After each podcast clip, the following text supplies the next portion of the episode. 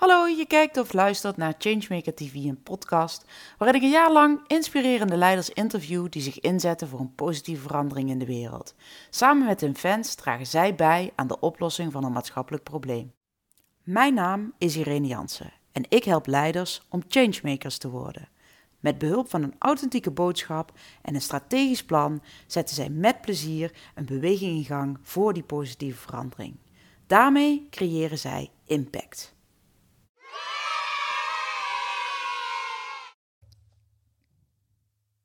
In deze aflevering spreek ik met Rebecca Elting. Rebecca maakt alles al mee als het om geld gaat. Van dochter van een bijstandsmoeder naar net geen faillissement als ondernemer. Als iemand weet hoe het is om schulden te hebben, is zij het wel. Inmiddels heeft ze een succesvol bedrijf en is ze zelf investeerder. Door al deze ervaringen en haar werk als bewindvoerder en budgetcoach weet ze als geen ander wat er nodig is voor een rijker leven. Dat is natuurlijk geld, maar niet alleen dat. Luister mee en leer ook hoe jij een rijker leven kan leven. Welkom weer bij een nieuwe aflevering van Changemakers Podcast. Vandaag zit ik hier met Rebecca Elting. Welkom, uh, Rebecca. Dankjewel, Irene. Goedemiddag. Ja, superleuk dat je, er, uh, dat je erbij bent. Uh, ja. We gaan het vandaag hebben over rijker leven. Ja, en ja. wat, wat, wat dat dan is en waarom dat een probleem is. Wat, Um, we hadden het er net al even over. Misschien kan je zelf ook iets vertellen. Ja, waar dat vandaan komt. Waarom, hè, waarom, waarom ga je op een gegeven moment denken: ik ga een boek schrijven? Hè, uh, in tien stappen rijker leven. Dat is uh, eigenlijk de aanleiding. Ja. Waarom uh, ga je een boek schrijven over rijker leven? Ja. nou, dan gaan we wel ver terug, uh, denk ik, uh, Irene. Maar uh, je zou um, eigenlijk kunnen zeggen hè, dat ik heel lang een soort van haat-liefde heb, verhouding heb gehad met geld. Aan de ene kant heb ik geld altijd heel leuk gevonden. als kind al was rekenen op school mijn lievelingsvak. En ik vond het leuk om, om spulletjes te verkopen op de vrijmarkt. Ik uh, ging uiteindelijk een economische studie doen en ik werkte jarenlang in de financiële dienstverlening daarnaast waren er ook uh, ja, diverse momenten in mijn leven, zeg maar, dat ik uh, ook zag wat het uh, deed, wat de impact was, zeg maar, op het moment dat er geen geld was of als er geldproblemen waren. Nou, zo ben ik bijvoorbeeld uit het gezin waar ik vandaan kwam, mijn ouders zijn gescheiden, mijn moeder bleef als alleenstaande moeder achter met drie kinderen, kwam in de bijstand terecht en moest haar huis verkopen. Hè, dus dat had best een, een impact op ons als gezin. Mm. Um, op een later moment in mijn leven kwam ik een partner tegen die vanuit zijn uh, verleden schulden had. Dus ik merkte wat de impact daarvan was uh, op onze relatie. En uh, op mijn 22e startte ik voor het eerst als ondernemer en werd ik nou ja, mede-eigenaar van een bestaand horecabedrijf. En um, ja, daar was ik vrij blind, naïef ingestapt misschien. Um, om er vervolgens achter te komen nou ja, dat daar financiële problemen waren. Hè. Dus ik was eigenlijk aan boord gestapt van een, uh, van een zinkend schip. En, um, maar je kwam daarin met je financiële kennis, want op je 22 ja. was je denk ik waarschijnlijk net klaar met die, uh, ik weet niet of dat je precies hebt gestudeerd. Ja, uh. nee, ik was inderdaad, um, um, ik, ik had echt al een financiële achtergrond uh, op dat moment. En hè, dat was ook een beetje zeg maar de taakverdeling. Ik deed dat niet alleen, we waren met, met vier eigenaren. Het was een behoorlijk groot bedrijf. En ik zou me inderdaad mee bezighouden met de zakelijke kant, hè, met, de, met de boekhouding en ja, had verder geen, uh, niet echt ervaring uh, in de horeca. Ik ging wel gelijk ook een studie uh, aan de Hogere Hotelschool doen. Dus, Tuurlijk. ja. Waarom niet? dat deel, deed ik in deeltijd er nog even naast. Um, maar goed, uiteindelijk ja, kwam ik er dus toch achter dat de zaken niet, niet gingen zoals ze zouden moeten lopen. Dus wij kozen ervoor om het bedrijf te beëindigen. Om nou ja, zeg maar faillissement te voorkomen. Maar goed, we zaten in een, eh, in een VOF, wat betekende dat ik uh, net zo goed hoofdelijk aansprakelijk was voor uh, al het uh, financiële leed wat er al was. En ja, daardoor bleef ik even goed met een, met een flinke schuld achter. Zo, nou dat is een lekkere start. Heb je, hoe, oud was je inmiddels? 23, 3, ja. 24ste? Nou ja, toen was ik 4, 25 ja. denk ik, dat we daar gestopt zijn. En vervolgens heeft dat gewoon nog een hele lange uh, nasleep gehad. Uiteindelijk met tot gevolg dat ik um, daar wel verantwoordelijkheid uh, voor ben gaan nemen. Hè, dat, dat, dat had echt wel even wat tijd nodig. Ik ben uiteindelijk in een burn-out terechtgekomen. Het had, onze relatie was verbroken en dus het, dat ging niet zonder slag of stoot. Maar uiteindelijk heb ik ehm, ja, me wel gerealiseerd dat er uiteindelijk maar één iemand is die mijn situatie kon verbeteren. En ja, dat ben ik zelf. Dus ik heb die verantwoordelijkheid gepakt en ik heb schuldeisers gebeld en betalingsregelingen afgesproken. Ik ben uiteindelijk die jaren daarna um, in eerste instantie schuldenvrij um, geworden en vervolgens vermogen opgebouwd voordat ik het weer aandurfde om opnieuw als ondernemer te starten. En uh, ja, dat deed ik dus in 2012. Toen startte ik uh, budget en beleid. In feite uh, is dit is jouw verhaal een verhaal van maak van je shit je hit. Dat. Precies. Ja, precies dat hè. Want inmiddels ben je inderdaad, nou ja, bewindvoerder, budgetcoach. Kennen mensen misschien makkelijker. Een bewindvoerder ja, houdt iemand in de schulden een beetje uit de wind om rust te creëren in, in een financiële situatie. Dan zeg ik het toch, toch goed hè, Rebecca? Ja, een bewindvoerder die, die neemt de, de financiële situatie ook, of het financiële beheer ook echt over. Hè? Dus dat gebeurt via de rechtbank.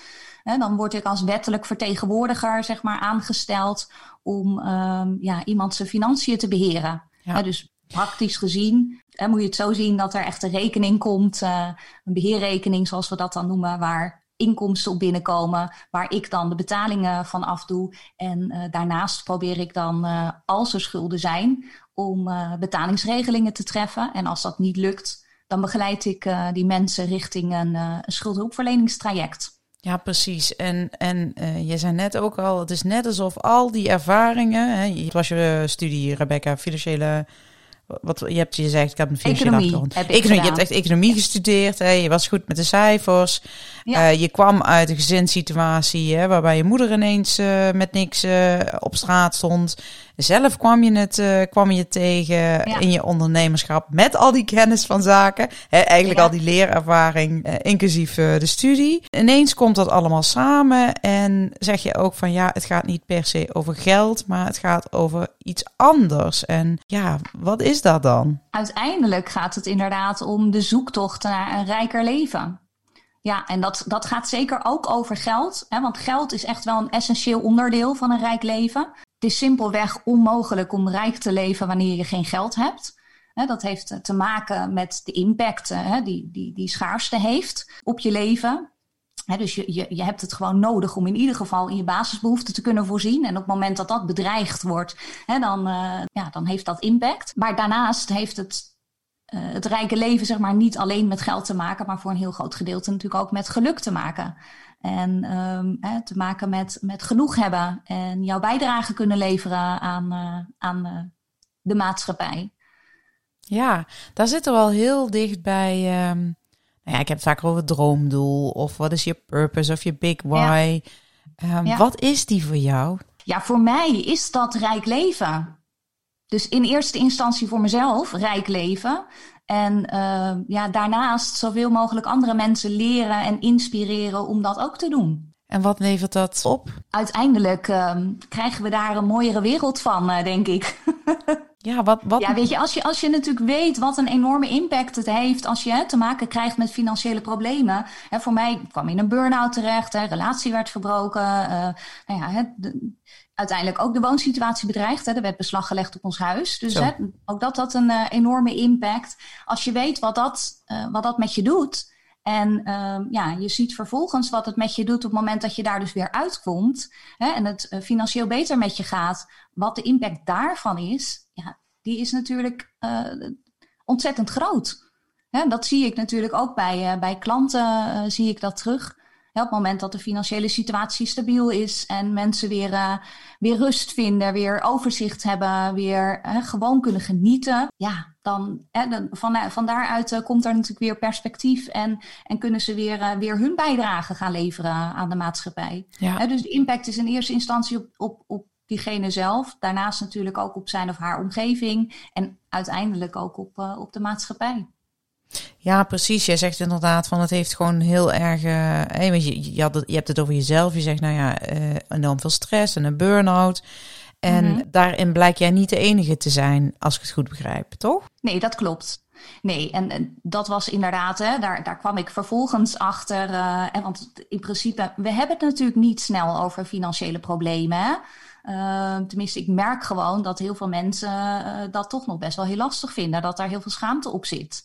En um, dat, dat gold voor mij destijds natuurlijk net zo. Dus je brengt dat niet snel naar buiten. En op het moment dat ik uh, startte met budget en beleid en uh, allerlei mensen ging helpen, uh, herkende ik eigenlijk in al die situaties, uh, de, herkende ik wel, wel weer stukken. Inderdaad, ik kwam erachter dat datgene wat mij was overkomen, dat, dat dus ook heel veel andere mensen um, overkomt. Ja, precies. En ook die mensen schamen zich en denken dat ze de enige zijn die, met, die daarmee zitten. Want wat was je aan het zeggen? 9 van de 10 heeft te maken met burn-out en stress? Of uh, van als je, ja. als je met geld. Ja, ik weet de exacte cijfers okay, niet okay. hoor. Maar ja. het komt gewoon ontzettend veel voor. Ja, ja, ja. dus dat is zeker geen, uh, geen uitzondering. En inderdaad, uh, financiële problemen levert gewoon heel veel stress op. En depressies en angst en hè, allerlei gezondheidsproblemen. Hè, dus ja, ook maatschappelijk gezien kost dat gewoon ontzettend veel. Precies. En jouw idee is, als ik meer mensen kan helpen om rijker te leven, heeft dat een enorme impact, omdat veel meer mensen lekkerder in de vel zitten, geen stress ervaren, hun kinderen daardoor niet in stress en armoede en weet ik veel wat opgroeien. Dat is jouw, uh, uh, jouw verhaal, ja. ja. En hoe bijzonder is het dat ik inderdaad daar nu mijn bedrijf van heb kunnen maken. Hè? Dus dat dat mij nu persoonlijk geld oplevert. Nou ja, inmiddels heb ik medewerkers in dienst, hè? dus die ook weer daar hun geld mee, uh, mee kunnen verdienen dus het heeft niet alleen impact op mijn leven, maar ook op dat van mijn medewerkers en vervolgens weer op mijn klanten. En ja, zo uh, gaat de rippel door, zou je kunnen zeggen. Ja, precies. Zo te horen is dat een heel rijk leven. Precies. Ja. ja. hey, wat moet er gebeuren inderdaad om ja, meer mensen rijker te laten leven of een rijker leven te, meer mensen een rijker leven hebben? Wat daarvoor moet gebeuren? Ja. is een goede vraag. Ik denk sowieso dat we meer over geld zouden moeten praten. Mm Hè, wat ik zeg, er zit gewoon nog heel veel uh, schaamte. Uh, er zit ook echt een taboe op. Hè, op het praten over geld en in het bijzonder dan ook over het hebben van, van financiële problemen. Dus daarvoor, uh, ja, hè, dat, dat is voor mij natuurlijk ook een van de redenen geweest om in mijn boek ook mijn persoonlijke voorbeelden daarin te noemen. Hè, om ehm, ja, daaraan bij te dragen dat, dat, dat daar gewoon over gepraat kan worden om het taboe, zeg maar, wat daarop ligt, te helpen doorbreken. Er moet dus vooral over gepraat worden. Uh, ja, tegelijkertijd. En daarmee dus, hè, met als doel natuurlijk dat mensen sneller om hulp vragen. op het moment dat ze er zelf niet uitkomen. He, want we vinden financiën nog altijd iets wat, uh, wat persoonlijk is. Hè? Het is onbeleefd om daarover te praten, om het daarover te hebben. Uh, er wordt ook een beetje van uitgegaan dat, dat, dat je dat gewoon moet kunnen. Hè? We leren het niet op school, maar toch moet ja, ah, er zijn wel weer programma's, maar goed, ja. Dus ja, je moet het gewoon maar doen. Je moet het maar kunnen. En uh, in de praktijk blijkt toch vaak dat, dat lang niet iedereen uh, uh, dat zelf redt om dat, om dat te doen. Ja, precies. Sterker en die vinden nog, het dan niet altijd makkelijk om om hulp te vragen. Ja, sterker nog, je hebt gewoon tien stappen mm -hmm. en dan lukt het wel.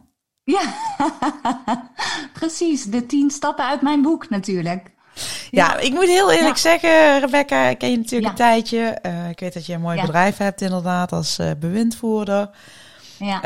Uh, met, een, met een team en dat je met deze problematiek werkt. Mm -hmm. um, ik verwachtte dus eigenlijk ook een boek wat zou gaan over, zeg maar, budgetteren of weet je wel, een beetje meer praktisch. En ja, dat soort. Precies, potjes, uh, ja. nou dat soort dingen. Dus ik was ja. eigenlijk wel verrast toen ik jouw boek kreeg dat het, ja, dat het, dat het dat eigenlijk helemaal niet is. Nee, dat nee. klopt. Nee. Nee, vertel ik, eens. Uh, ik heb wel een, een online training, online leren budgetteren. Hè, dus de, die kennis is er allemaal, de bespaartips. Hè, ik ken ze, maar ze staan niet in het boek, inderdaad. Nee, ik heb het uh, uh, er bewust voor gekozen om het, uh, om het op deze manier te doen. Dus om uh, tien stappen te schrijven. en in die tien stappen, um, ja, de tien stappen zeg maar, bestaan dan uit de tien keer waar methode.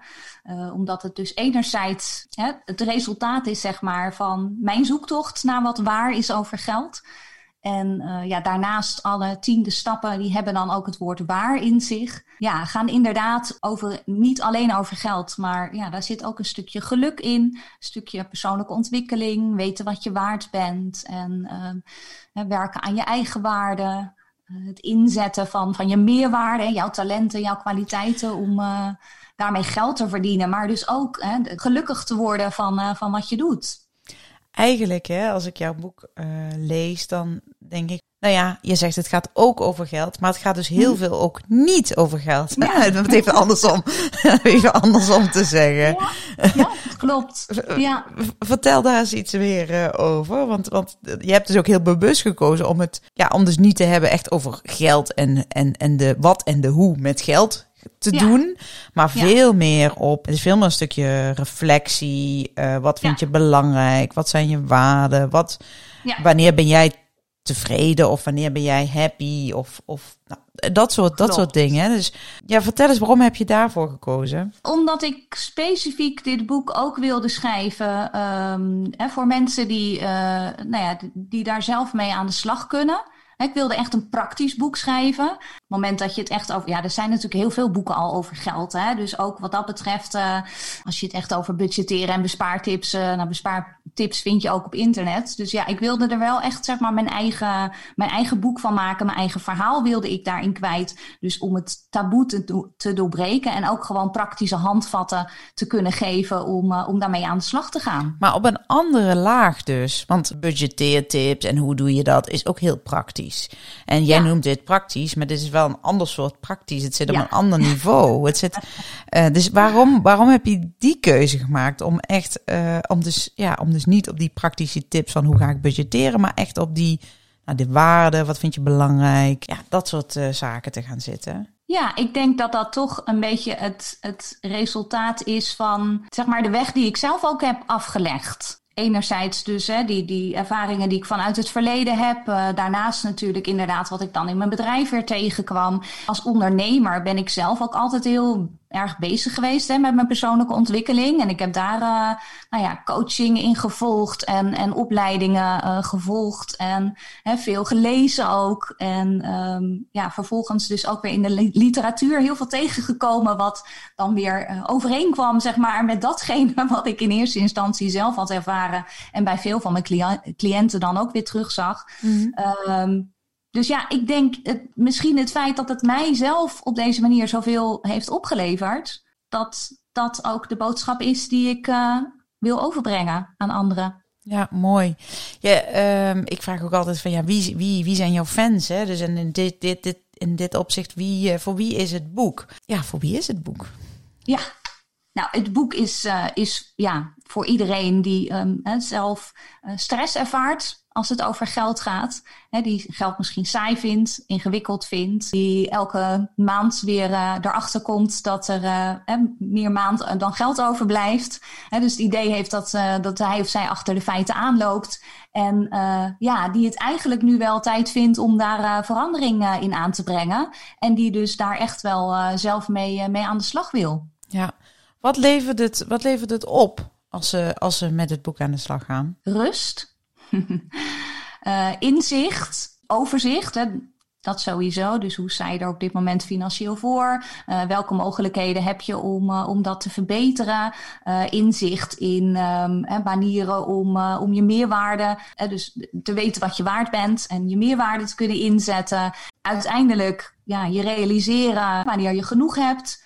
Ja, dat. Als jij uh, een van de tien uh, stappen zou moeten kiezen, dat je zegt van ja, nou ja, dat is voor mij in mijn pad, hè, met al mijn uh, persoonlijke ervaring, met al mijn opleiding, met, met alles wat ik nu als ondernemer doe, dat is voor mij het meest waardevol geweest. Ze zijn alle tien heel waardevol. de een kan niet zonder zeggen. de ander. En weet je, het is natuurlijk ook zo dat hè, het leven is geen stappenplan. Het is niet, ik begin bij stap 1 en bij stap 10 ben ik klaar. Hè, het is... je, het leven gebeurt. Hè, je kunt altijd weer in situaties terechtkomen. Je kunt te maken krijgen met ziekte, met echtscheiding, met een baanverlies, uh, noem het maar op. Hè, en dan zijn er altijd weer situaties in je leven die niet alleen impact hebben op jouw financiële situatie, hè, maar ook ja, op, op, uh, op hoe je je voelt en wat je belangrijk vindt. Hè, dus het is niet zo, je begint bij stap 1 en bij stap 10 ben je klaar. Nee, er kunnen zich andere situaties voordoen en dan ga je weer opnieuw met het stappenplan uh, aan de slag. En ik merk dus ook nog steeds in, in alles wat ik, wat ik doe, hè, ook in de groei van mijn bedrijf, dat ik met heel veel van die stappen nog steeds bezig ben. Het is niet zo dat, dat ik uitgeleerd ben of iets dergelijks. Maar we hadden het al even in het begingesprekje over uh, uh, de eerste stap. Bepaal waar je naartoe wilt om, eens, uh, om eens na te denken um, ja, welke richting je eigenlijk op wil. En hoe ik zelf toch zomaar weer, hè, hoewel ik weet hoe, hoe, belangrijk het is eigenlijk. In december 2019 um, ja, mijn doelen aan het stellen was voor het nieuwe jaar 2020. Hè, en ik toch wel erg gefocust was uh, op uh, hè, wat ga ik doen tot aan de zomer of wat ga ik doen tot aan december. Hè? Dus wat wil ik het komende jaar bereiken? Dus ik was heel erg bezig. Hè, ook wel met reflectie, maar ook met, met het stellen van doelen.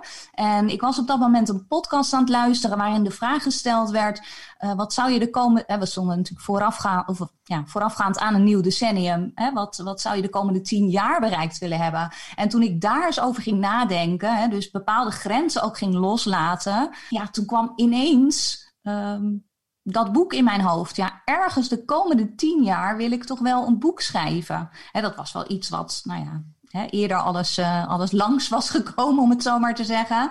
Als ik daar simpelweg gekeken had in wat er mogelijk was op dat moment in mijn leven. Met, met, met fulltime werken binnen, binnen budget en beleid. Uh, nou ja, mijn gezin, uh, schommelingen of, wisselingen in mijn team, zeg maar. Wat, wat, wat heel erg speelde op dat moment. Um, ja, weet je, dan was dat simpelweg niet in mij opgekomen om in dat jaar een boek te gaan schrijven. Weet je, dat, die, die mogelijkheid zag ik gewoon niet. Maar doordat die vraag gesteld werd van de komende tien jaar, kwam ineens dat doel voorbij. Ergens wil ik de komende tien jaar een boek gaan schrijven. En doordat ik dat doel um, ook nou ja, voor mezelf gesteld had en opgeschreven had, hè, ben ik vervolgens kleine stapjes gaan zetten door, nou ja, de een boek aan te schaffen, bijvoorbeeld over. Over het schrijven van een boek. Starten, ja, van je boek. En al met al, ja, heb ik dat boek dus inderdaad binnen een jaar geschreven. Wat ik dus vooraf echt niet voor mogelijk had gehouden. En op dat moment, eh, december 2019, was corona natuurlijk ook nog iets wat uh, zich alleen in, uh, in China afspeelde. De dus tijd hielp je in die zin een klein beetje. Niet kunnen bedenken. Ja. Ja. En hè, dat is eigenlijk stap 1 in mijn boek. Bepaal waar je naartoe wilt. Hè, dat je echt onbegrensd gaat nadenken. Ja, waar wil ik nu eigenlijk naartoe? Ja, het grootdomen, het, uh, het, het kijken vanuit wat heb ik te doen en wat wil ik nog bereiken. Uh, ja, maar ja. dan ook echt die grenzen loslaten. Dus inderdaad, uh, nou ja, wat ik zeg, dat, er zat bij mij ergens een grens. Ja, als ik dat nu dit jaar, dat kan ik niet nu als doel stellen voor dit jaar, want dat ga ik gewoon simpelweg niet redden. En door even die grens weg te halen van hè, wat wil ik het komende jaar doen en die te verleggen naar hè, wat wil ik de komende tien jaar doen, daarin was het voor mij ineens mogelijk dat dat boek er wel zou komen. Ja. Bij jou zat het dan vooral ook in tijd. Hè? Hoe krijg ik dat ja, allemaal rond? Precies. En precies. jij gaf net ook eventjes uh, in ons gesprekje vooraf aan dat er een mooie parallel zit tussen, als het gaat over rijk leven, tussen uh, geld en tijd. Maar kan je dat een beetje uitleggen? Ja, nou, waar wij het over hadden was inderdaad hè, die impact van, uh, van schaarste. Hè, dus wat, wat schaarste met je doet. Dus het, het hebben van niet genoeg. Hè, um, en wat, wat daar zeg maar de impact uh, van is. En uh, we hadden het even over een artikel inderdaad. Hè, of, of ja, waarom, uh, waarom arme mensen domme dingen doen. Om het zo maar even te zeggen. En dus de impact van schaarste is gewoon enorm. Hè, je kunt dat uh, vergelijken met, met een, een computer. Op het moment dat je te veel programma's opent en te veel moet doen, dat je dan, hè, dat dan niet alles meer even goed werkt. Hè, dat, dat zie je dus uh, bij mensen die uh, nou ja, niet genoeg geld hebben, uh, en zie je vaak dat ze geneigd zijn om nou ja, niet de meest verstandige keuzes te maken. En Gewoon omdat hun door... systeem een soort van overload heeft. Omdat ze naar drie winkels, drie winkels moeten om de goedkoopste, weet ik veel wat, uh, spullen te kunnen halen. En omdat ze altijd bezig zijn, altijd een tapje. Ik vind dit wel een mooi voorbeeld, hoe je dat zegt. Ja. Dat er altijd een tapje hypotheek blijft lopen. En een tapje, uh, nou ja, goed, uh, weet ik veel wat, kinderschoenen of, nou ja, ik zeg ja. maar wat. Hè. En daardoor ja. komt er een soort van ja, overload op het systeem. En, en gaan mensen dus, uh, nou ja, dat artikel, uh, titel van het artikel was van waarom, gaan, waarom arme mensen domme dingen doen. Dan gaan er dus, Klopt. niet handige keuzes gemaakt worden. Maar eigenlijk zeg jij, is dat gewoon inherent aan die situatie dan? Precies. Ja, dat is de situatie waar ze in zitten. En ehm, de, sommige mensen herkennen dat niet zozeer op geldgebied, maar vaak dan wel weer op, op, uh, op tijd. Hè, wat, wat uh, op het moment dat je te maken hebt met, uh, met deadlines bijvoorbeeld, en dat, dat gold bij mij natuurlijk ook in het schrijven van mijn boek op het moment dat je er dan inderdaad, uh, ja, je hebt maar een beperkt, uh, beperkte tijd om daarin je dingen te doen. En ja, dan ga je inderdaad vaak, of ben je geneigd om keuzes te maken die op dat moment niet de meest verstandige keuzes zijn. Maar je bent simpelweg een ja, soort van aan het overleven. Hè? En uh, ik ervaarde dat dus zelf bij het schrijven van mijn boek bijvoorbeeld. Hè, dat je dan uh, last minute toch heel erg juist onder die druk en die stress meer dan normaal hè, de behoefte voelt om bijvoorbeeld uh, even op je Facebook te checken. Of hè, toch even iets langer pauze te nemen dan dan misschien uh, nou ja, dan je normaal gesproken zou doen. En komt dat dan ook door die druk? Dat je ook zo voelt van al die tabblaadjes van die hoofdstukken of van die processen of wat er misschien ook nog moet naast dat boek. Dat je dan dus, is dat eenzelfde soort iets wat er dan... Uh, ja, voor mij is dat heel herkenbaar. Ja. Ja, en die Herken zin... jij dat? Ja, ik, ik zit te denken, die, die uitwisseling van, van tijd en geld. Het, lijkt het lijkt ook wel haast alsof je of onder druk staat voor geld of onder druk staat van tijd. Hè? Weet je, tenminste, ik herken wel heel erg van. Ja, ik heb periodes gehad dat ik, uh, uh, dat ik uh, bezig was en, en bijvoorbeeld mijn baan was verloren. En dan ben je heel erg bezig van, ik moet weer heel snel een baan, want hoe moet dat nu allemaal? En geld en weet ik veel wat. En dan krijg je dan die baan en dan moet je natuurlijk uh, toch volgende week beginnen. In plaats van dat je eerst even op adem kan komen. Ja. en dat. En dat je dan ineens iets hebt van, uh, ja, weet je wel, uh, nu heb ik dan straks wel, je, ja, dus dus het is of het een of het ander. Want als je weer fulltime of meer dan fulltime aan het werk bent in, in, in de banen ook die ik dan heb gehad. Ja, dan is het, weet je, dus het is een soort van hollen of stilstaan. Het is misschien ook het een of het ander. Ja, het is heel erg zoeken naar de balans daarin. Uh. Ja, precies. Of een soort van, ja, de gulden middenweg. Ik las uh, uh, in deze dagen een quote van de Dalai Lama was volgens mij. Uh, en ik, ik weet niet of ik hem zo eh, op kan, uh, kan lepelen. Maar het was iets van: in de westerse samenleving zijn mensen altijd bezig om heel veel geld te, te verdienen. Vervolgens gebruiken ze dat geld om hun gezondheid te repareren of op peil te houden of weet ik veel wat.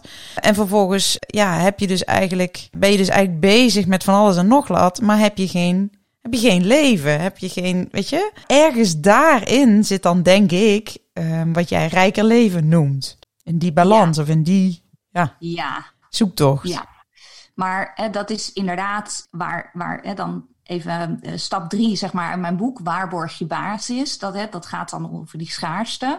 Het is natuurlijk wel zo dat op het moment dat je dat eenmaal hebt, uh, dat je in ieder geval zeg maar die basis uh, gedekt hebt, dat je daar ook even bij stil mag staan. Dat je dus in feite, um, theoretisch gezien, genoeg hebt. Hè? Dat je daar dus ook even dankbaar voor mag zijn en tevreden mag zijn met dat wat je hebt.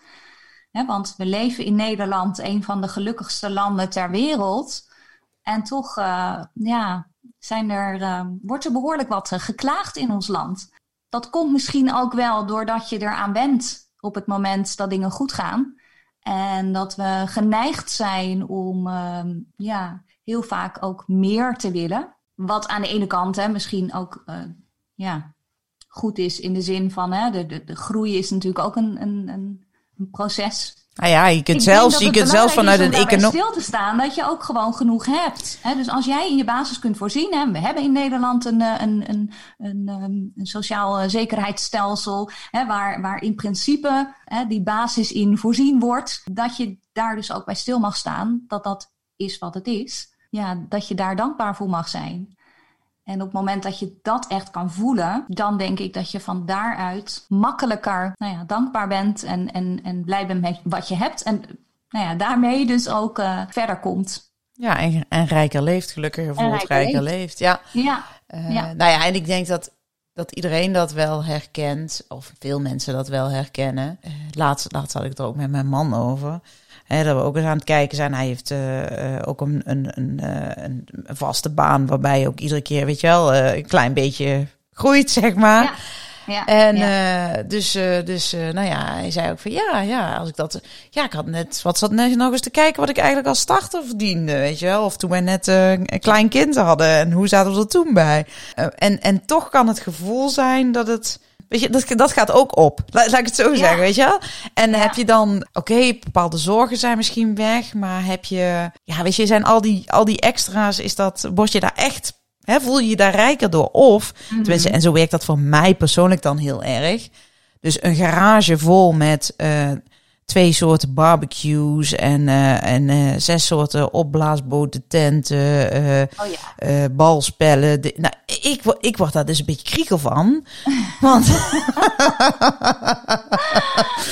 want je hebt het allemaal wel, maar ja, het is ook een, alles wat je hebt moet je verzorgen. Want anders heeft het geen zin om het daar te hebben liggen. Dan kan je het net zo goed gaan huren, want als je het niet verzorgt, dan is het ook aangevreten door de, door de muizen of, nou ja, doorgeroest of weet ik wat. Ja. Dus, ja. Um, nou ja, goed. Uh, ja. ja, nee, ik denk wel dat er heel veel mensen zijn inderdaad die dat stukje ook herkennen hoor.